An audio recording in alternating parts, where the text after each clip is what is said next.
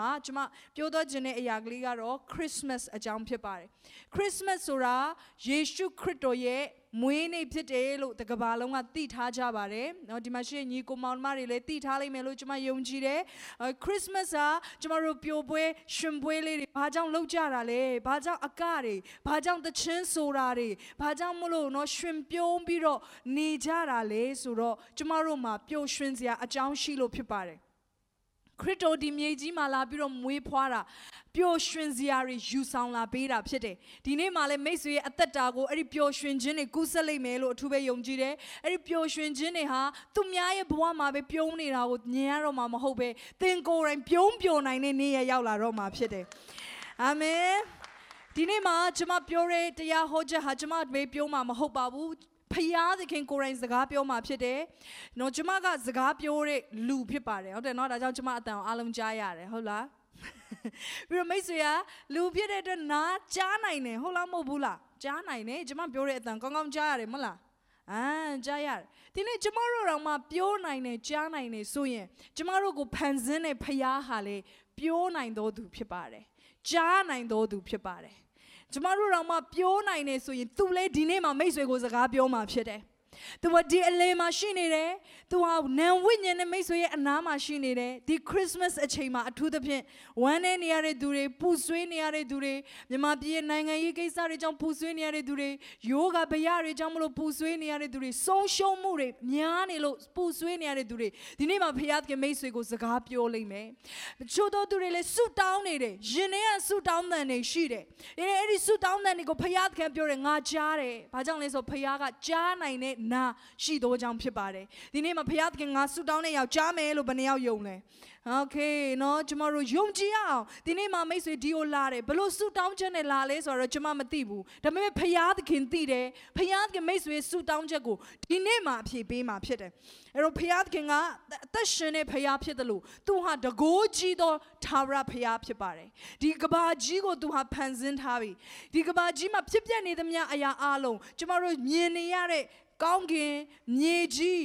တစ်ပင်တရိတ်ဆန်နေလူတွေအားလုံးကိုလေသူဟာဖန်ဆင်းထားသောတကိုးရှင်ဖြစ်ပါတယ်ကျွန်မနဲ့သူပြောပါအောင်တကိုးရှင် တကိုးရှင်ဆိုတဲ့သဘောကတော့အားလုံးသူဟာတက်ဆွမ်းနိုင်တယ်သူမလုံနိုင်တဲ့အရာဘာမှမရှိဘူးဒီနေ့မှာမိတ်ဆွေသင်ရဲ့တက်တာမှာယောဂတွေနဲ့လာတယ်ဆိုသူမကြမ်းမပေးနိုင်တဲ့အရာမရှိပါဘူးဒီနေ့မှာသင်ဒုက္ခဝေဒနာတွေနဲ့လာတယ်ဆိုရင်သူမကုသပေးနိုင်တဲ့အရာမရှိပါဘူးသင်ရဲ့နှလုံးသားနာကျင်မှုတွေကိုလည်းသူတတ်တာစေနိုင်တယ်သင်ရဲ့အကျွေးတွေ ဒုက္ခတွေပြဿနာတွေထဲကနေလေသူဟာလွတ်မြောက်ခြင်းပေးနိုင်တော်သူဖြစ်တယ်။ဒါကြောင့်မလို့သူ့ကိုကျမတို့ကတကိုးရှင်လို့ခေါ်ပါတယ်။သူဟာကျမတို့ရဲ့အလင်းမှာအမြဲတမ်းရှိနိုင်ပြီ။သူနဲ့ဘသူကမှမဝေးပါဘူး။ဒီမှာရှိတဲ့လူချွတ်တင်တယ်ငါဖះနဲ့တအားဝေးနေတယ်လို့ထင်ကောင်းထင်လိမ့်မယ်။ငါအပြစ်တွေလုပ်တဲ့အတွက်ကြောင့်ခုနကတော့ငါကောင်းလေးလို့ပဲနော်။ तू ဘာမှစိတ်မဝင်စားပါဘူး။ဖះတရားလည်းသူ့မှာမရှိပါဘူး။ तू စိတ်ဝင်စားတာ TV game ပဲဖြစ်တယ်။ဒါပေမဲ့တကယ်ဒုက္ခကြုံလာတဲ့အခါမှာဖះသခင်ကဘသူနဲ့မှမဝေးဘူးဖြစ်တယ်ဒီမှာရှိနေတဲ့လူတယောက်ချင်းစီတိုင်းနဲ့နီးပြီးတော့ဒီနေရာကိုတော့မိတ်ဆွေကိုသူကိုယ်တိုင်ပို့ဆောင်လာတာပါနော်ကျမတို့အာဒီမှာရှိညီကောင်မောင်မိုင်းနဲ့ကျမတို့တစ်ခါမှလည်းမတွေ့ဘူးကြပါဘူးမရင်းနှီးဘူးကြပါဘူးမြန်မာပြည်မှာဆိုလေကျမကရန်ကုန်မှာနေတယ်ဒီမှာရှိတဲ့လူတွေဆိုလေမြို့နယ်အသီးသီးမှာနေမြေတွေမတူတဲ့နေရာတွေမှာနေကြမှာဖြစ်ပါတယ်ဒါပေမဲ့ကျမတို့တွေ့ဖို့ရန်အတွက်ခက်ခဲပေမဲ့ဒီနေရာကိုဘလို့လို့ရောက်လာတာလဲဆိုတော့ဖျားကိုယ်တိုင်ပို့လိုက်တာပါမိတ်ဆွေကိုအဲ့တော့ကျမတို့အချင်းချင်းတွေ့ရတာသိပြီလင်ဖျားသခင်ဟာမိတ်ဆွေအနားမှာရှိနေတယ်ဆိုတာသိကိုထင်ရှားပါတယ်။ဒါကြောင့်မို့ဒီမှာရှေ့ချရတဲ့ညီကောင်မောင်နှမတွေမျောလင့်ချက်မကုံသွားပါနဲ့။သင်ဘလို့ဒုက္ခပဲကြုံနေရပါစေ။သင်ဘလို့ပြဿနာပဲကြုံနေရပါစေ။သင်အတွက်ဖခင်သခင်ရှိနေသေးတယ်ဆိုတာကိုသိစေချင်တာဖြစ်တယ်။ အဲ့ဘုရားသခင်ရဲ့တကိုးတော်ဟာဘလို့နေရာမှာလှုပ်ရှားတယ်လေခုနကကောင်လေးကိုကြည့်မယ်ဆိုရင်ဘုရားရဲ့တကိုးကိုသူခံစားရတယ်ဘုရားသခင်တကိုးတော်ဘယ်နေရာမှာလှုပ်ရှားလဲဆိုသူ့ကိုခေါ်တဲ့နေရာမှာ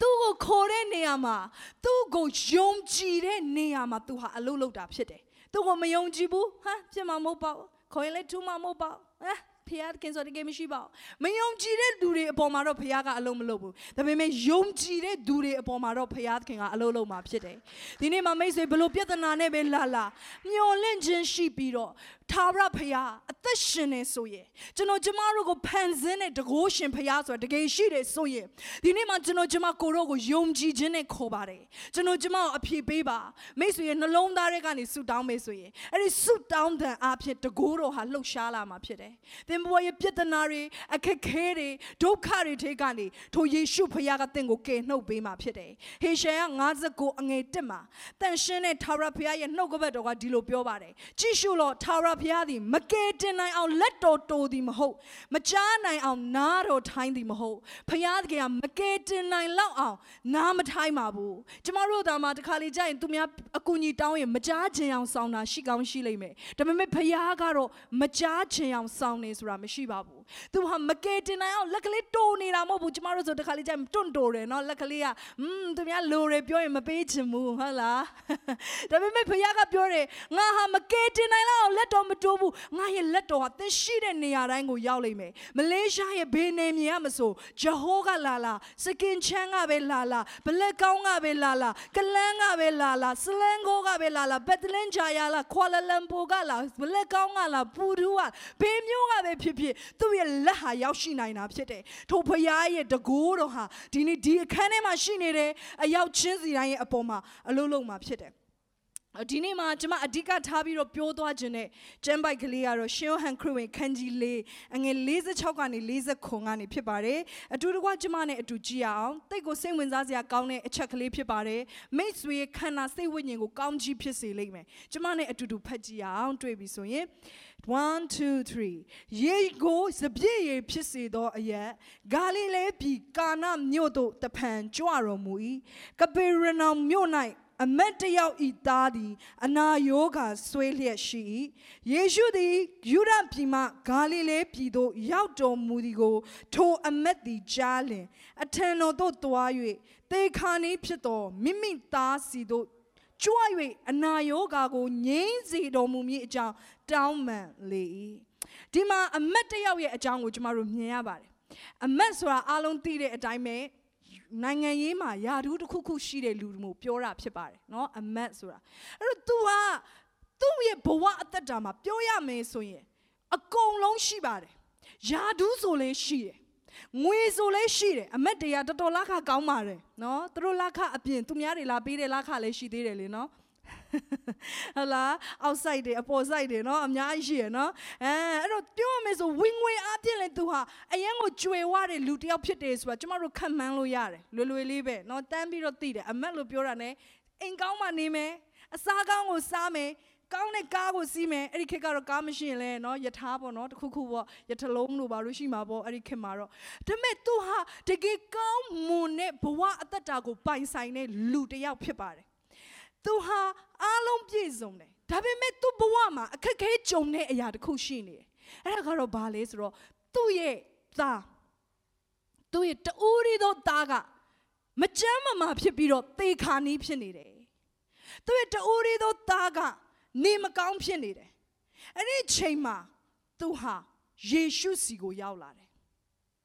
ကျမတို့ဘဝတက်တာမှာအားလုံးပြည့်စုံတဲ့အချိန်မှာကျမတို့ဖခင်ကိုမလိုသလိုပဲအသက်ရှင်တတ်ကြတယ်ဟုတ်လားမဟုတ်ဘူးလားဟောအာလူတွေကအခက်ခဲကြုံတော့မှအမလေးဖရားဆိုပြီးတော့ထားခေါ်တာနော်အဲအဲ့ဒီလိုပဲဒီလူလေးလိုပါပဲ तू က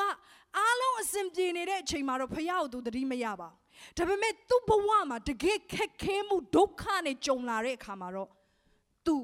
စပြီးတော့ယေရှုဆိုတဲ့လူဟာဒီမြို့ကိုလာမယ်ယေရှုခရစ်တော်ဟာဒီမြို့ကိုလာမယ်ဆိုတဲ့တဲ့ကို तू ကြားတဲ့အခါမှာယေရှုစီကို तू ရောက်သွားခဲ့တယ်။ तू စူးစမ်းတာအားလုံးကုန်သွားပြီ။ तू ရဲ့သားကို तू အကောင်းဆုံးဆေးရုံမှာပြကြည့်မှာပဲ။ဘာလို့လဲဆိုတော့ तू ပတ်စံရှိတယ်လေ။အော် तू ပတ်စံရှိတဲ့အတွက်အကောင်းဆုံးဆေးရုံမှာ तू ပြကြည့်မှာပဲ။ तू ရဲ့သားကို तू အကောင်းဆုံးဒေါက်တာတွေဆေးပေးဝေတဲ့သူတွေနဲ့ तू ပေးတွေ့မှာပဲ။ ဒါပေမဲ့လူရဲ့စ조사မှုဟာအကန့်အသတ်ရှိပါတယ်လူရဲ့စ조사မှုဟာအားလုံးမတက်နိုင်ဘူးတခါလေးမှကျမတို့လည်းခံစားရတယ်မဟုတ်လားငါဒီလောက်စ조사တာငါဒီလောက်ကောင်းအောင်နေတာငါဒီလောက်စ조사ပြီးတော့ပတ်စံရှာတာဒါပေမဲ့ဘာဖြစ်လို့ဒုက္ခတွေကငါဘဝမှာဆက်ပြီးတော့လိုက်နေရလဲဘာကြောင့်သူတို့ယောဂမဖြစ်ပဲငါကြမှာကိုဗစ်ဖြစ်ရတာလဲဘာကြောင့်မလို့ငါကြမှာ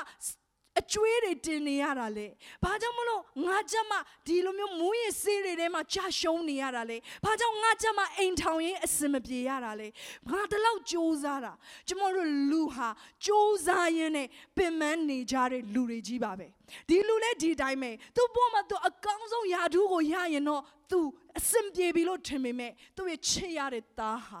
နေမကောင်းဖြစ်ပြီးသေခါနီးဖြစ်နေတယ် လူကကိုကိုကိုအထင်ကြီးတတ်တယ်ငါမှခွန်အားရှင်ငါဘာမဆိုတတ်နိုင်တယ်ငါပညာရှိတယ်ငါငါယာထူးရှိတယ်ငါသိက္ခာရှင်အားလုံးပြီးပြီလို့ထင်ထားတာဒါပေမဲ့တကယ်ဒုက္ခကြုံလာတဲ့အခါမှာယာထူးတွေပတ်စံတွေသိက္ခာတွေကျမတို့ကိုကယ်နိုင်လားတင်ယောဂဖြစ်တဲ့အခါမှာငါသိက္ခာရှိလို့အဲ့ဒီယောဂငါနာမလာဘူးဆိုတာရှိလားမရှိဘူးဟုတ်လားမဟုတ်ဘူးလားအမ်ငါပတ်စံရှိလို့ငါအဲ့ဒီယောဂမဖြစ်တော့ဘူးဆိုတာရောရှိလား မရှိဘူးကျမတို့ကိုဗစ်စဖြစ်ခါစားဆိုအားလုံးမှတ်မိလားမသိဘူးနော်တည်တဲ့လူတွေတကယ်ချမ်းသာတဲ့လူတွေကြီးပဲအံ့ဩစရာကောင်းတယ်ကျမတို့တော့မှအံ့ဩတယ်ဟေးသူတို့ကိုဗစ်ကကူးတက်လားနော်ဒီဗြိတိန်ရဲ့အာဒီဝင်ကြီးချုပ်ကိုဗစ်ဖြစ်တော့အားလုံးကအံ့ဩတယ်။ तू ကပဲကြီးညာနေတာကိုဗစ်မဖြစ်အောင်ဘလို့နေပါဘလို့နေပါဆိုကြီးညာတာ။မဲ तू ကဖြစ်သွား။ဟာပြီးတော့ American နိုင်ငံရဲ့သမ္မတအဲ့တုန်းက Donald Trump ကိုဗစ်ဖြစ်သွားတယ်။အားလုံး ယောဂါတွေကလူရွေးလားမရွေးဘူးเนาะမကျမ်းမာခြင်းတွေကြုံလာတဲ့အခါဒုက္ခတွေကြုံလာတဲ့အခါမှာကျမတို့သိလာတဲ့အရာတစ်ခုကသိခါတွေပတ်စံတွေအောင်မြင်မှုတွေကကျမတို့ရဲ့ဒီဝေဒနာတွေကိုမကာစီးပေးနိုင်ဘူးဆိုတာကျမတို့ပို့ပြီးတော့သဘောပေါက်လာတယ်ဒီနေ့ဒါဟာခန္ဓာကိုယ်ကျမ်းမာခြင်းတစ်ခုပဲရှိပါသေးတယ်ဒီနေ့ဒါဆိုရင်ကျမတို့ရဲ့ဝိညာဉ်ရောကျမတို့လူဟာခန္ဓာစိတ်ဝိညာဉ်သုံးပိုင်းနဲ့ဖန်ဆင်းထားတာဖြစ်တယ်ဖွဲ့စည်းထားတာဖြစ်တယ် အားလုံးလည်းသိကြမှာပါကျမတို့မမြင်နေရတဲ့ခန္ဓာဆိုတဲ့เนาะဒီမှာမြင်ရတယ်မလားကျမအောင်အာနော်ခက်ချောချောအဲလေနော်အားလုံးချောပါတယ်နော်အဲဘာဖြစ်လဲခန္ဓာရှိတယ်လူမှာခန္ဓာပဲရှိတာလားမဟုတ်ပါဘူးစိတ်လည်းရှိတယ်လေစိတ်ဆိုးတတ်တယ်ဝမ်းနေတတ်တယ်ပျော်တယ်ခုနကတော့နော်တချင်းနေဆိုတော့ပျော်တယ်ခုနပြစလေးပြောင်းငိုချင်သွားတယ်နော်ခါတဲ့ခုမှချောင်းနေဆိုးကြတာငါမြကူလာတော့မလားဆိုပြီးတော့နော်ဝမ်းနေသွားတယ်မလား ကျမတို့မှာခံစားချက်ရှိလားရှိတယ်ဒါပေမဲ့ကျမတို့ကခန္ဓာနဲ့စိတ်ပဲရှိတာမဟုတ်ပါဘူးကျမတို့မှာဝိညာဉ်ဆိုတဲ့အပိုင်းရှိတယ်အဲ့ဒါကကျမတို့ကိုလူရည်လို့ဖြစ်စေတာ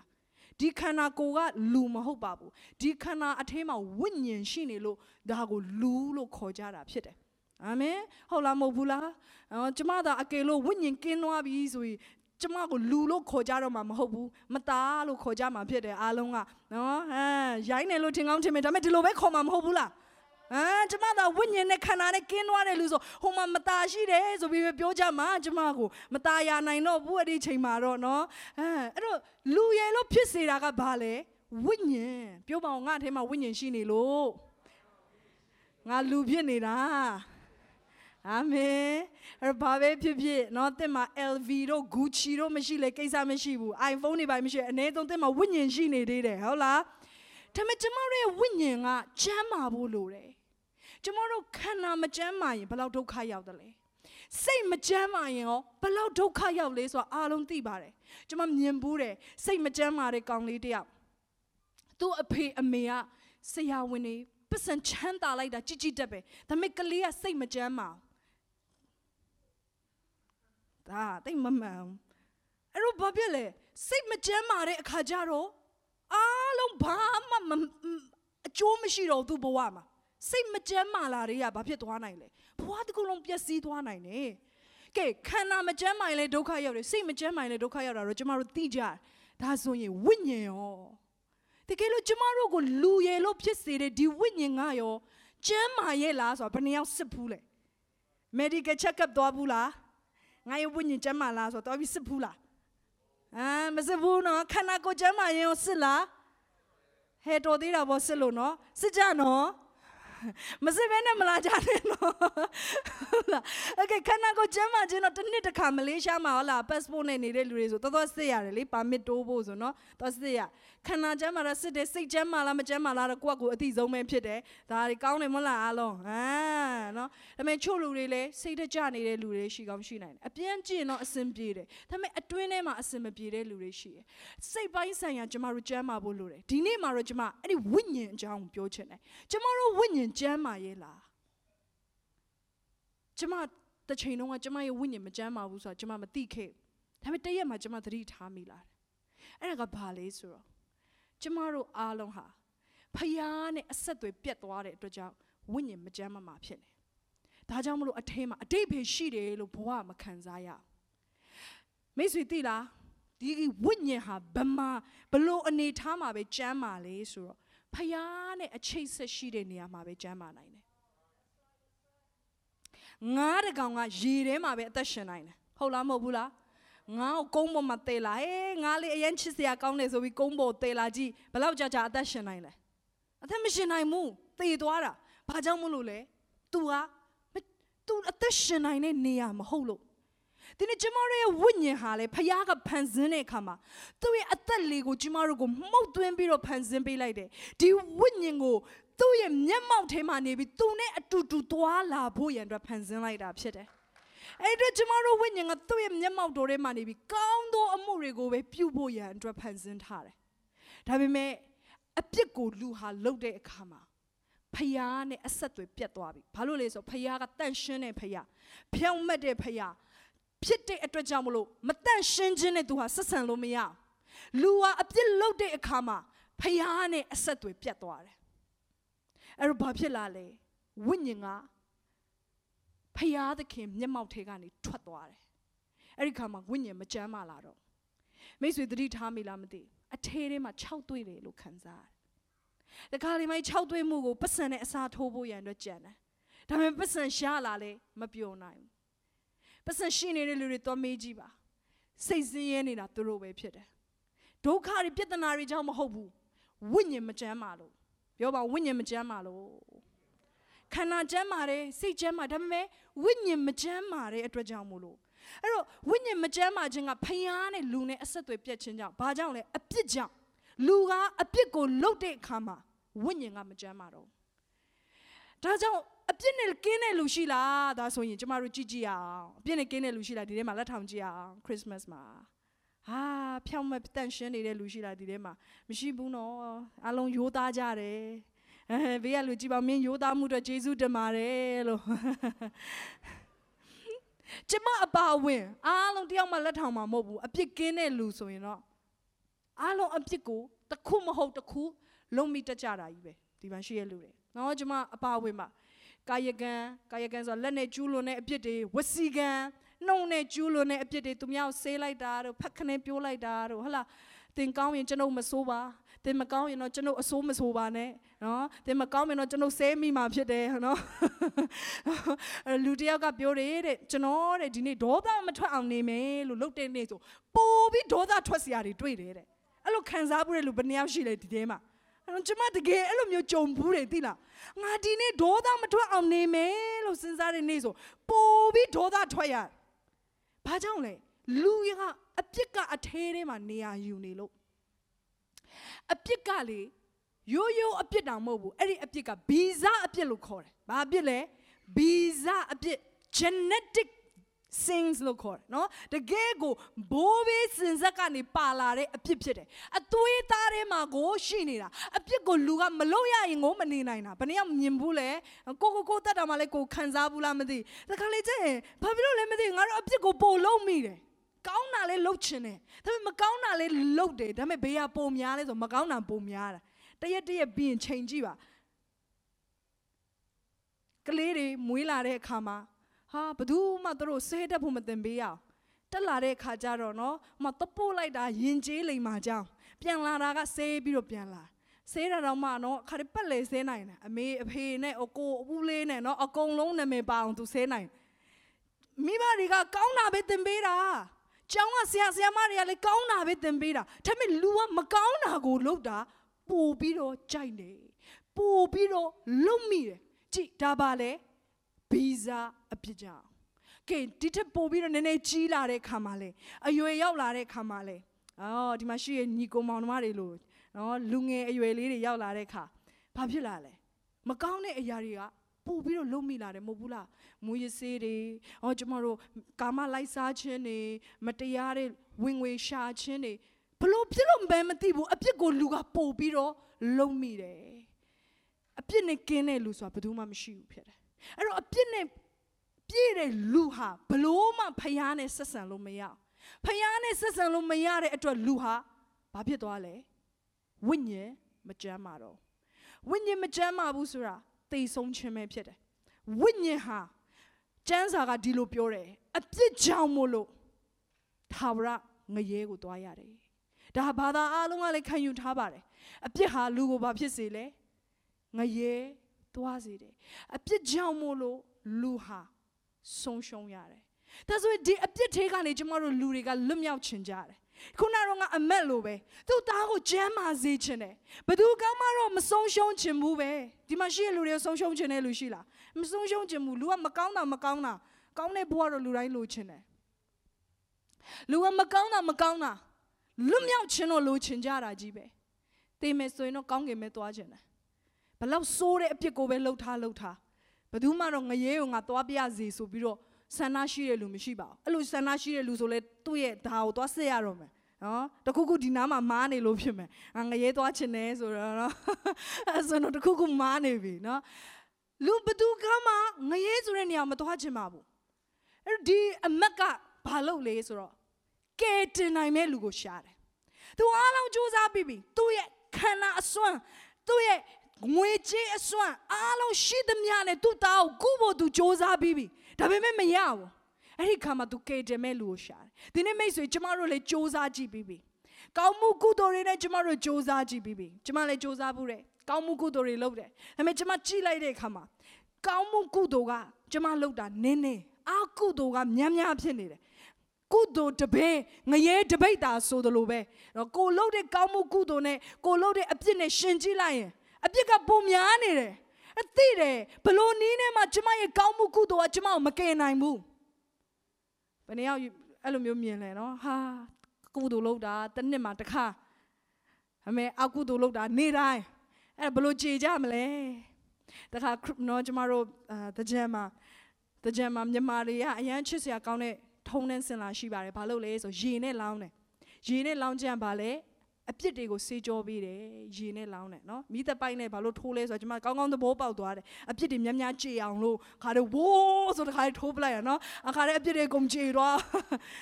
ဒါပေမဲ့အရင်ရီရတယ်ကျွန်မအဲ့တကြံမှာကျွန်မကြည့်တော့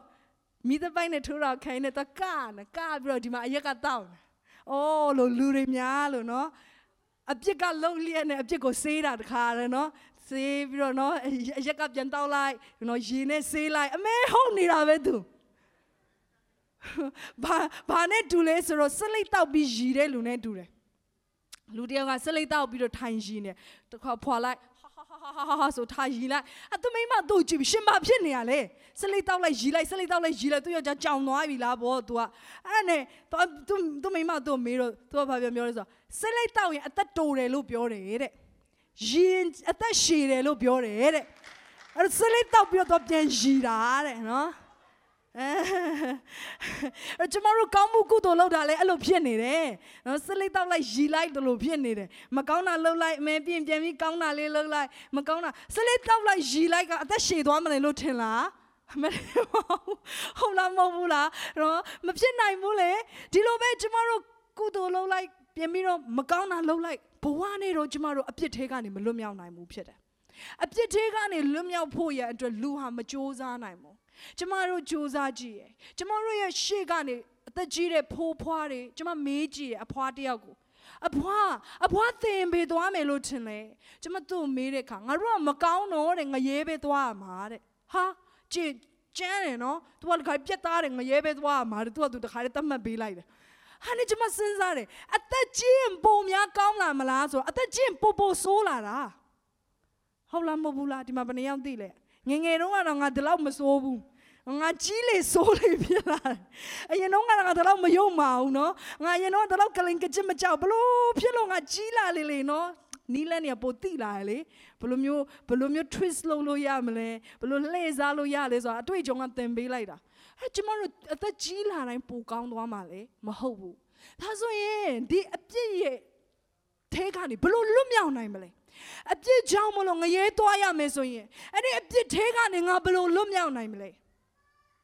ခုနကအမက်လိုပဲနီလန်းရှာတဲ့ခါအမက်ကမှန်ကန်တဲ့အရာတစ်ခုကိုလုပ်ခဲ့တယ်အဲ့ဒါကတော့ဘာလဲဆိုယေရှုဆိုတဲ့သူစီကိုသူသွားတယ်ယေရှုခရစ်တော်စီကိုသွားပြီးတော့ယေရှုကိုပြောတယ်ကျွန်တော်ရဲ့သားကိုကယ်တင်ခြင်းပေးပါ ကျွန်တော်သားကိုကယ်တင်ပေးပါကျမ်းမာပေးပါလို့သူသွားပြောတယ်မိတ်ဆွေသိလားဒီနေ့မှလည်းကျမတို့ယေရှုကိုလာပြီးတော့ပြောဖို့ရန်အတွက်လိုတယ်ယေရှုကျွန်တော်ကျမတို့ကိုအပြစ်ကနေလွတ်မြောက်ခြင်းပေးပါယေရှုကမိတ်ဆွေခန္ဓာနဲ့စိတ်ကိုပဲကျမ်းမာစေမှာမဟုတ်ပါဘူးမိတ်ဆွေရဲ့ဝိညာဉ်ကိုပင်လင်ကျမ်းမာစေနိုင်ပါတယ်သူဟာကျမတို့ရဲ့ဝိညာဉ်ကိုဖန်ဆင်းထားတဲ့ဖခင်ဖြစ်တဲ့အတွက်သူကကျမတို့ရဲ့ဝိညာဉ်ကိုလည်းကျမ်းမာစေနိုင်တယ်ယေရှုခရစ်တော်ဖခင်ကအဲ့ဒီခါမှာဘာပြောလဲသူ့ကိုခုနကတော့ကျမတို့ဖတ်ခဲ့တယ်ဘာပြောလဲသူ့ကိုငါကျမ်းမာစေမယ်လို့ပြောတယ် ယေရှုကဒီအမက်ကသူ့ပေါ်မှာကောင်းခဲ့လားအလူငွေထဲ့လားကောင်းမှုကုသိုလ်လုပ်လားတခုမှမကြည့်ပါဘူးသူ့ကိုယုံကြည်ခြင်းနဲ့လာပြီးတောင်းဆိုတဲ့လူတွေကိုယေရှုကအဖြေပေးတာဖြစ်တယ်ဒီနေ့မှာယုံကြည်ခြင်းနဲ့တောင်းဆိုတဲ့သူတွေယေရှုကဒီနေ့မိတ်ဆွေကိုအဖြေပေးမှာဖြစ်တယ်အဲ့နဲ့ယေရှုကဒီအမက်ရဲ့တားကိုဘာပြောလဲဆိုတော့ကျမ်းမာပြီဆိုပြီးတော့နှုတ်ကနေပြီးတော့ဆေလွတ်လိုက်တယ်အဲ့လိုမျိုးဆေလွတ်လိုက်တဲ့ကအမက်ကအိမ်ကိုယေရှုမလိုက်သွားဘူး နှုတ်ကနေပဲဆေလွတ်လိုက်တယ်ကျမ်းမာပြီလို့ပြောတဲ့အခါဒါနဲ့အမက်ကအိမ်ပြန်သွားတယ်ပြန်လဲပြန်ရောလမ်းမှာလူတယောက်ကလာပြီးတော့ပြောတယ်တခင်နဲ့တခင်ရဲ့သားကျမ်းမာပြီဝါတခင်ရဲ့သားကျမ်းမာပြီလို့ပြောတဲ့အခါမှာအမက်ကအံ့ဩတယ်ယေရှုကို तू သွားပြီးတော့အဆုတောင်းခံတာယေရှုကိုသွားပြီးတော့ तू ပြောပြတာယေရှုကချက်ချင်းပဲအဖြေပေးတယ်သူအိမ်ရောက်တဲ့အခါလူတွေကိုမေးတယ်ဘေးအချိန်တုန်းကငါသားကျမ်းမာသွားလဲ ဘေးအချိန်မှာငါသားကျမ်းမာသွားလဲလို့မေးတဲ့အခါမှာကျွန်းနေကပြန်ပြောတယ်ဘေးအချိန်ဘေးအချိန်ဆိုပါစို့3နာရီပါကျမ်းမာသွားတယ်အဲ့ဒီအခါမှာအမက်ကပြန်ပြီးတော့တတိရတယ်တဲ့အဲ့ဒီအချိန်ကယေရှုကျမ်းမာပြီလို့စေလွှတ်လိုက်တဲ့အချိန်ဖြစ်တယ်ဝါယေရှုရဲ့နှုတ်ကနေစေလွှတ်လိုက်တဲ့အခါမှာချက်ချင်းဆိုသလိုကျမ်းမာသွားတယ်ဒီနေ့မိတ်ဆွေသိလားသင်ရင်ပြဿနာတွေဘယ်လောက်ကြီးမားလဲလူတွေမတက်နိုင်တော့ဘူးလား ကိုယ့်ရဲ့မိတ်ဆွေတွေမကူညီနိုင်တော့ဘူးဖြစ်နေလားအပြစ်ငရဲတွေကနေလွတ်မြောက်ဖို့ရန်အတွက်ကိုယ်တိုင်မတက်နိုင်တော့ဘူးဖြစ်နေလားကိုယ့်ရဲ့ပတ်ဝန်းကျင်ကလူတွေမကူညီနိုင်တော့ဘူးဖြစ်နေလားဒီနေ့ကေတင်ပေးတဲ့ယေရှုခရစ်တော်ရှိပါတယ်ယေရှုကလွန်ခဲ့တဲ့နှစ်2000မှာဒီလိုခရစ်စမတ်အချိန်မှာလောကကြီးကိုလာခဲ့တယ်ဒီလောကကြီးကို तू လာတာအပျော်လာတာမဟုတ်ပါဘူးငါမြေကြီးမှာသွားပြီး shopping ထွက်လိုက်အောင်မယ်ဆိုပြီးလာတာမဟုတ်ဒီမြေကြီးကိုယေရှုလာတဲ့အခါမှာသူ့မှာရည်ရွယ်ချက်ရှိပါတယ်အဲ့ဒါကတော့ လောကသားတွေကိုအပြစ်ငရဲတွေကနေကယ်တင်မှုရန်အတွက်သူမြေကြီးကိုလာတဲ့အခါမှာလုတ်ခဲ့တဲ့အမှုတွေထဲမှာလူတွေကိုကြမ်းမာခြင်းပေးခဲ့တယ်လူတွေကိုနတ်ဆိုးတွေညှင်းဆဲခြင်းကလည်းနတ်ဆိုးညှင်းဆဲတွေဆိုတာဘာလဲသိလားလူကိုဖိစီးထားတာချုံနှောင်ခြင်းခံရတာအဲ့ဒီထဲကနေလေယေရှုကလွတ်မြောက်စေတယ်ဒါရင်သာမကဘူးယေရှုဟာကျမ်းမာခြင်းလွတ်မြောက်ခြင်းပေးုံသာမကောက်အပြစ်ငရဲတွေကနေလေကယ်တင်ခဲ့တယ် ယေရှုမြေကြီးကိုလာတဲ့အခါမှာ33နှစ်မြေကြီးမှာအသက်ရှင်ပြီးကားတိုင်းမှာအသေးခံခဲ့တယ်ကားတိုင်းမှာသူအသေးခံတဲ့အခါမှာအခြားအကြောင်းကြောင့်အသေးခံတာမဟုတ်ဘူးကျမတို့ရဲ့အပြစ်ထဲကနေလွတ်မြောက်ခြင်းခံစားရဖို့ရန်အတွက်သူအသေးခံတာဖြစ်တယ်။ချို့ကဒီလိုစဉ်းစားတယ်။ယေရှုကဖျားဖြစ်ပြီးတော့ဘာကြောင့်ကားတိုင်းမှာတေရတာလဲ။တကယ်လို့ဖျားဆိုရင်သူ့ကိုယ်သူကယ်ရမှာမဟုတ်ဘူးလား။သူဟာသူ့ကိုယ်သူကယ်နိုင်ပါတယ်။ ဒါပေမဲ့သူ့ကိုယ်သူကယ်မယ်ဆိုရင်ကျမတို့ကိုကယ်လို့မရတော့ဘူး။ကျမတို့ရဲ့အပြစ်တွေဟာတစုံတစ်ယောက်ကကယ်စေမှရမှာကျမတို့ရဲ့အပြစ်တွေရဲ့အဖိုးအခဆိုတာရှိတယ်အပြစ်လုံးမိရင်အဖိုးအခဆိုတာအမြဲတမ်းရှိတယ်ဟုတ်လားမဟုတ်ဘူးလားမြေကြီးမှာတော့မှကျမတို့အပြစ်လုံးမိပါသွားရတယ်ထောင်သွားရတယ် အပြစ်ရဲ့အခဆိုတာရှိတယ်ဒီနေ့ကျမတို့လောကကြီးမှာအခုဆိုပါစို့အသက်ဘယ်လောက်ရှင်ခဲ့ပြီလဲကျမတို့30ဆိုအသက်30စလုံးမှာကျမမွေးကလေးကနေအသက်30အတွင်းမှာလုတ်ခဲ့တဲ့အပြစ်တွေအားလုံးရဲ့အခဆိုရင်ဘယ်လောက်တောင်ကြီးမလဲလူသိတဲ့အပြစ်ရှိတယ်လို့လူမသိတဲ့အပြစ်တွေလည်းရှိသေးတယ်ဟုတ်လားကျမတို့ရဲ့အပြစ်တွေအားလုံးဟာယေရှုခရစ်တော်ဖခင်ကသာမစေးကြောပေးဘူးဆိုရင်ကျမတို့ရဲ့အပြစ်ထဲကနေကျမတို့မလွတ်နိုင်ဘူးအဲ့ဒီအပြစ်တွေအားလုံးဟာ ဘလောက်တောင်မှများသလဲဆိုရင်ကျမတို့ရဲ့အဲ့ဒီအပြစ်တွေကြောင့်မလို့ကျမတို့ဟာတကယ်တမ်းတော့ကားတိုင်းဆိုတဲ့နေရာကိုသွားတက်တာဖြစ်တယ်ကားတိုင်းဆိုတာတနည်းအားဖြင့်ပြောမယ်ဆိုချိန်ချင်းခံသောနေရာချိန်ချင်းခံသောနေရာကိုကျမတို့ကသွားရမယ်ကျမတို့ရဲ့အပြစ်တွေကြောင့်မလို့ကျမတို့ဟာအသက်သေဆုံးရမှာဖြစ်တယ်ထာဝရငရဲကိုသွားရမှာဖြစ်တယ်ဒါပေမဲ့ယေရှုကအဲ့ဒီထဲကနေလွတ်မြောက်ဖို့ရန်အတွက်ကားတိုင်းပေါ်မှာအသေးခံပေးတယ်ကားတိုင်းဟာတကယ်တော့ကျမတို့သွားရမယ့်နေရာပါ သူမကယ်တင်နိုင်လို့ကားတိုင်းသွားခဲ့တာမဟုတ်ပါဘူးကျမတို့ရဲ့အပြစ်သေးကနေကယ်နှုတ်ဖို့ရန်အတွက်သူကားတိုင်းကိုသွားခဲ့တာဖြစ်တယ်ကားတိုင်းပေါ်မှာသူ့ရဲ့အသက်ကိုစွန့်ခဲ့ပြီးတော့ဒီလိုပြောတယ်စကားလေးတစ်ခုကိုပြောတယ်အဲ့ဒါလေးကိုမှတ်ထားစေချင်တယ်အဲ့ဒီစကားကဘာလဲဆိုတော့အမှုပြီးပြီလို့ပြောတယ်ပြောပါဦးကျွန်မနဲ့တို့အမှုပြီးပြီအမှုပြီးပြီဆိုတဲ့စကားကဘာမှသုံးလဲဆိုလို့ရှိရင်အထူးသဖြင့်ကျမတို့ court နော်ဒီတရားရုံးနေမှာအမှုစီရင်တဲ့အခါမှာနောက်ဆုံးတရားသူကြီးကအမှုကိုပိတ်တဲ့အခါမှာဒီလိုမျိုးခောက်တယ်တောင်းတောင်းတောင်းဆိုပြီးတော့ခောက်ပြီးတော့အမှုပြီးပြီ tetanus time ဆိုပြီးတော့နော်ဒီလိုမျိုးခောက်ပြီးတော့ချလိုက်တယ်အဲ့ဒီအခါမှာဘာလဲဆိုတော့ဒီအမှုဟာရက်စဲသွားပြီဖြစ်တယ်တရားခံကိုအမှုချပြီးပြီထပ်ပြီးတော့အမှုထပ်ပြီးတော့တင်လို့မရတော့ဘူး အဲ့ဒီစကားအတိုင်းပဲယေရှုဟာကားတိုင်းမှာသူအသေးခံတဲ့အခါမှာပြောခဲ့တယ်အမှုပြီးပြီလောကသားတွေရဲ့အပြစ်ကြွေးတွေအားလုံးကိုငါဆက်ပြီးပြီခံရမယ့်ကိုယ်စားငါခံပြီးပြီခုနတော့ငါအမက်လိုပဲသူမကယ်တင်နိုင်တဲ့အခါယေရှုကိုပြောတယ်ကိုရိုလုတ်ပေးပါလို့ပြောတဲ့အခါယေရှုကပြောတယ်ငါချမ်းပါစေမယ်ဒီနေ့ယေရှုကမိတ်ဆွေကိုလွတ်မြောက်စေပြီလို့ပြောတယ် အချို့လူတွေအတွက်တော့ဒီလိုစဉ်းစားမယ်။ဆီယမရဲ့ကျွန်တော်ကျမလုပ်တဲ့အပြစ်ကိုယေရှုကဘယ်လိုလုပ်ခံပေးလို့ရတာလဲ။တကယ်တော့ကျွန်တော်အပြစ်ကျွန်တော်ခံရမှာမဟုတ်ဘူးလား။ဟုတ်ပါတယ်။တကယ်တော့တင့်အပြစ်ကိုသင်ခံရမှာပါ။ဒါပေမဲ့မိတ်ဆွေရဲ့အပြစ်ကိုမိတ်ဆွေမခံနိုင်ဘူးဆိုတာယေရှုသိတယ်။ထောင်ရငရဲကိုမိတ်ဆွေတွားခြင်းလား။မတွားခြင်းဘူး။ကျမလည်းမတွားခြင်းဘူးဖြစ်တယ်။ကျမတို့ရဲ့အပြစ်တွေကျမတို့ပေးဆက်ရမယ်ဆိုရင်ဘယ်တော့မှကျမတို့ဟာဆက်နိုင်မှာမဟုတ် ဘူး။ဘာနဲ့တူလဲဆိုတော့မိဘတွေကလေသူတို့ရဲ့သားသမီးတွေကိုမဆာကူညီပေးတယ်လို့ပဲကလေးလေးတွေမွေးလာတဲ့အခါမှာကလေးတွေနော်ကျမတို့၄၅6နှစ်ထိကိုယ့်အကိုထမင်းမစားတတ်ဘူးဟုတ်လားမဟုတ်ဘူးလား၄၅6နှစ်ထိသူတို့ကသူတို့ဝါပြီးတော့မစားတတ်ဘူးအဲ့တော့ဘာလုပ်ပေးရလဲမိဘတွေကထမင်းကျွေးရတယ်တခါတည်းနော်စကားလေးနဲ့တိုက်ပြီးတော့သေချာသူတို့ကိုခွန့်ပြီးတော့ကျွေးရမိဘကဒီလိုမပြောပါဘူးနင့်ကနေစားလေနင့်ကနေ နေမတက်နိုင်နဲ့နေမစားနဲ့ပေါ့အငတ်ခံပေါ့အဲ့လိုပြောလာမိပါတယ်မပြောပါဘူးပြောရင်တော့တော်တော်နော်ရုပ်မာတဲ့မိဘတွေဖြစ်တယ်ဒီလောက်ကလေးလေးတေးသေးလေးကိုနော်ဘလို့လို့သွားပြီးတော့နေ့ကနေထမင်းစားပါလို့ပြောမှလဲမိဘတွေမပြောပါဘူးကလေးကိုချစ်ပြီးတော့အဖိုးခပေးပြီးကြွေးမွေးတယ်ဘာလို့လဲကလေးမလုံနိုင်ဘူးဆိုတာကိုသိတယ်ဒီနေ့ကျမတို့ကိုဖန်ဆင်းတဲ့ဖခင်ဟာလေဖန်ဆင်းရှင်ဖခင်ကျမတို့ ဖဖြစ်တယ်ကျမတို့ရဲ့မိဘဖြစ်ပါတယ်သူကကျမတို့ရဲ့အပြစ်တွေကနေကျမတို့မဆက်နိုင်ဘူးကျမတို့အပြစ်ကိုကျမတို့မကယ်တင်နိုင်ဘူးဆိုတာသူသိတဲ့အတွက်ကြောင့်မို့လို့ကျမတို့ရဲ့အပြစ်များကိုစားသူဆက်ပေးတယ်ပြောပါအောင်သူဆက်ပေးတာအဲ့တော့သူကားတိုင်းမှာအသေးခံတဲ့အခါမှာတကယ်တော့ကျမတို့အသေးခံရမှာပါတကယ်တော့ဒီကားတိုင်းဟာအပြစ်ကြောင့်မို့လို့ကျမတို့သွားရမယ့်နေရပါဒီထဲမှာရှိညီကိုမောင်မများ ဒီနေ့တင့်ရဲ့အပြစ်ကြောင့်သင်ပေးဆက်မယ်ဆိုရင်မပေးဆက်နိုင်ပါဘူးကျမပြောရဲတယ်လူတက်မှုတစ်ခုကြောင့်မို့လို့ထောင်ပနှစ်နှစ်ကြာလဲအနည်းဆုံး9နှစ်ကြာတယ်ပေးဆက်ဖို့သိခက်တယ်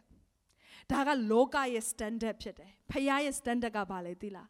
လူတယောက်ကိုဒေါသထွက်ရင်လူတက်တာပဲဖြစ်တယ်ဖခင်ရှိမှာဝေါသင်ဘယ်နှယောက်တောင်တက်ပြီးသွားပြီလေဒီဒီဒီဘဝမှာ ဒေါသဘယ်နှယောက်ကိုထွက်ပြီးသွားပြီလဲဖခင်ရဲ့စံချိန်နဲ့ပြောမယ်နော်အဲ့ဒါလူတတ်တာဖြစ်တယ်မိမတယောက်ကိုတဲ့မတရားတဲ့အကြည့်နဲ့ကြည့်မိတာနဲ့အဲ့ဒီမိမနဲ့တည်းဖောက်ပြန်တာဖြစ်တယ်ဟာဒါဖခင်ရဲ့စံချိန်ကျမတို့ပြောမယ်ငါဘယ်မိမနဲ့မှမဖောက်ပြန်โอเคရုပ်ရှင်ကြည့်ရမလားရုပ်ရှင်မင်းသမီးတွေဘလို့အကြည့်နဲ့တင်ကြည့်လိုက်လဲအာ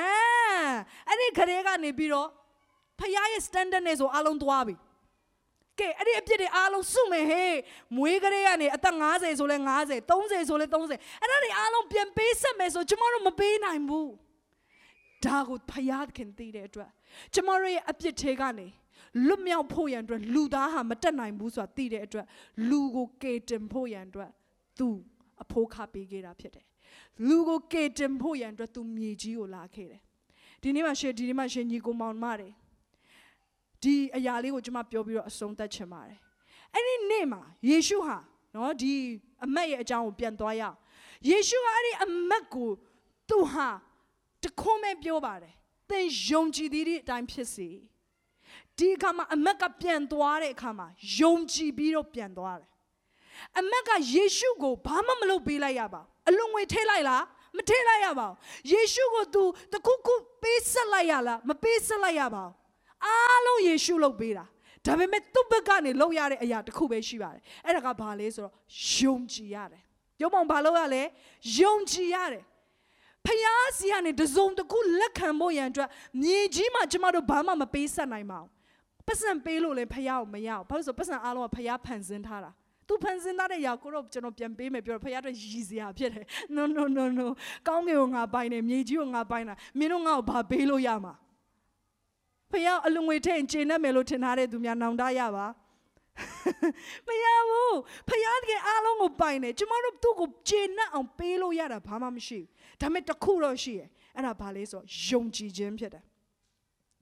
သူစီကနေတစုံတစ်ခုကျမတို့လက်ခံရဖို့သူ့ကိုတစုံတစ်ခုပြန်ပြီးတော့ပေးဖို့အတွက်ကျမတို့တစ်ခုပဲလုပ်လို့ရအဲ့ဒါယုံကြည်ခြင်းကိုရောကိုယုံကြည်တယ်ခုနကအမက်လိုမျိုး ငါရဲ့သားဟာယေရှုကျမ်းမာစေလို့ပြောလိုက်ရင်ကျမ်းမာမယ်လို့ငါယုံကြည်တယ်အဲ့ဒီယုံကြည်ခြင်းနဲ့ तू အိမ်ပြန်တဲ့အခါမှာသူ့သားဟာတကယ်ပဲကျမ်းမာနေတယ်ဒီနေ့မှလည်းယေရှုအခြားအရာမိတ်ဆွေစီကမတောင်းဒီနေ့အောင်လာတဲ့ခါမှာကျမတို့အလွန်ငွေမတောင်းပါဘူးဒီနေ့အောင်လာတဲ့ခါမှာမိတ်ဆွေစီကအခြားမှာကျမတို့ဘာမှမတောင်းပါ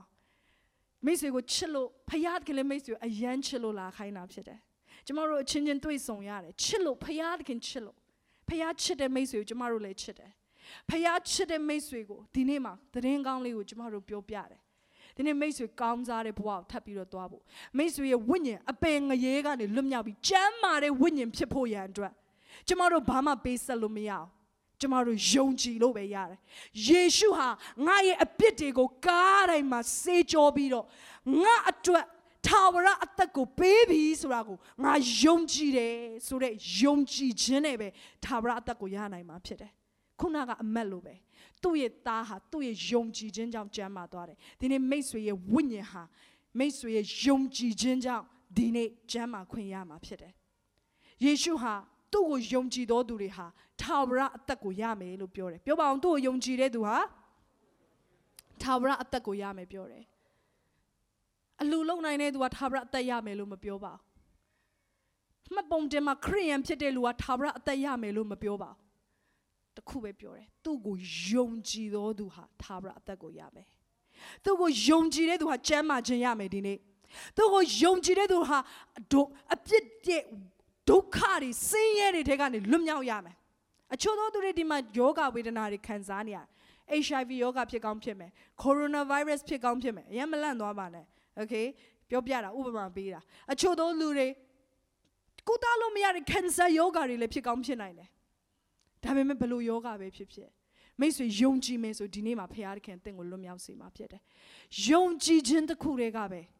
ဖယားသခင်စီကနေလာတဲ့အရာတွေကိုရရှိစေတယ်။ကျမ်းမာခြင်းလားဝမ်းမြောက်ခြင်းလားလွတ်မြောက်ခြင်းလားအဲ့ဒီပြင်အကောင်းဆုံးသောအရာတော့ထာဝရအသက်ဖြစ်တယ်။ထာဝရကျမ်းမာခြင်းထာဝရကောင်းကင်ကိုဝင်စားခွင့်ရခြင်းအဲ့ခရစ်စမတ်ဆိုတာအားလုံးခရစ်စမတ်မှာဘာလုပ်ကြလဲလူတွေလက်ဆောင်လေးတွေပေးကြဒီမှာနော်လက်ဆောင်ထုတ်လေးတွေတွေ့လား လက်ဆောင်ထုတ်လေးတွေကခရစ်စမတ်ရဲ့သင်္ကေတဖြစ်တယ်။ဘာကြောင့်ခရစ်စမတ်မှာလူတွေကလက်ဆောင်ပေးလဲ။ဖယားခင်ကကျမတို့ကိုယေရှုသည်ဟူသောလက်ဆောင်ကိုကျမတို့အားလုံးကိုပေးလို့ဖြစ်တယ်ဒီမှာရှိနေညီကိုမောင်မတွေကျမတို့လွတ်မြောက်ခြင်းကျမတို့ကျမ်းမာခြင်းနဲ့ကျမတို့ထာဝရအသက်ကိုရနိုင်တာဟာယေရှုကြောင့်ဖြစ်တယ်ဒီနေ့ယေရှုကမိတ်ဆွေကိုသူ့ရဲ့ထာဝရအသက်ကိုဒီနေ့လက်ဆောင်ပေးနေတယ်ဒီနေ့ယူမလားမယူဘူးလားဆိုတာမိတ်ဆွေဆုံးဖြတ်ချက်ပါ လက်ဆောင်ဆိုတာပေးတဲ့လူကပေးပေမဲ့လူကယူအောင်မှကျမဒီနေ့မှလက်ဆောင်ပေးမယ်ဆိုပေမဲ့မိတ်ဆွေမယုံဘူးမယုံမယုံမယုံကျွန်တော်မယုံဘူးဒီဆီယမဘာတွေပြောနေမှမသိနော်သူငါမယုံဘူးဆိုမိတ်ဆွေမရနိုင်ဘူးလက်ဆောင်ဒါပေမဲ့ကျမပေးတဲ့လက်ဆောင်မိတ်ဆွေယူတယ်ဆိုရင်တော့မိတ်ဆွေလက်ဆောင်ကိုရလိမ့်မယ်အဲ့ဒီမှာအားပေးခြင်းနဲ့ဒီမှာရှိနေညီကိုမောင်တို့တယောက်ချင်းစီတိုင်းချစ်စရာကောင်းတဲ့မြန်မာလူမျိုးတွေဖယားခင်မိတ်ဆွေကိုတိတ်ချစ်တယ်ဒီနေ့မှာထာဝရအသက်ကို ထိုလက်ဆောင်ကိုအားလုံးရယူကြရအောင်ဘာအဖြစ်မဲ့ရယူနိုင်မလဲယုံကြည်ခြင်းအဖြစ်မဲ့ရယူနိုင်တယ်ဒီနေ့မှာယေရှုခရစ်တော်ဖခင်ဟာငါတို့ရဲ့အပြစ်များအတွက်ကယ်တင်ဖို့ရန်မြေကြီးကိုလွန်ခဲ့တဲ့နှစ်2000ကကြွလာပြီးကားတိုင်းမှာအသေးခံတယ်သူ့အဖြစ်ငါတို့လွတ်မြောက်နိုင်တယ်ဆိုတဲ့အရာကိုယုံကြည်တယ်ဆိုရင်မိတ်ဆွေဟာသာဝရအသက်ကိုရမှာဖြစ်တယ်ခဏလောက်ကျမတို့မျက်စိလေးတွေမှိတ်ရအောင်ကျမအခုချိန်မှာအားလုံးကိုဖခင်နဲ့ချိတ်ဆက်စေခြင်းနဲ့ ဖခင်သခင်တင့်ကိုဖန်ဆင်းတဲ့ဖခင်တင့်ကိုချစ်တဲ့ဖခင်ကေတင်တဲ့ဖခင်သူဟာခရိယန်ရဲ့ဖခင်ပဲမဟုတ်ပါဘူးသူဟာဘာသာရေးတွေရဲ့ဖခင်မဟုတ်ပါဘူးသူဟာအသက်ရှင်တဲ့သာဝရဖခင်ဖြစ်တယ်မိတ်ဆွေကိုချစ်ပြီးဒီမြေကြီးကိုလာခဲ့တဲ့ယေရှုခရစ်တော်ဖခင်ဖြစ်ပါတယ်ဒီနေ့ယေရှုခရစ်တော်ဖခင်နဲ့ချိတ်ဆက်ပြီးတော့ဒီနေ့မိတ်ဆွေကိုယေရှုပေးတဲ့သာဝရအသက်လက်ဆောင်ကို ရယူစေခြင်းလဲကျမတို့ရဲ့အပြစ်များကြောင့်ဗီဇအပြစ်များကြောင့်ကျမတို့ထာဝရငရေကိုသွားစရာမလိုဘူးယေရှုအားလုံးလုပ်ပေးခဲ့ပြီးပြီဖြစ်တယ်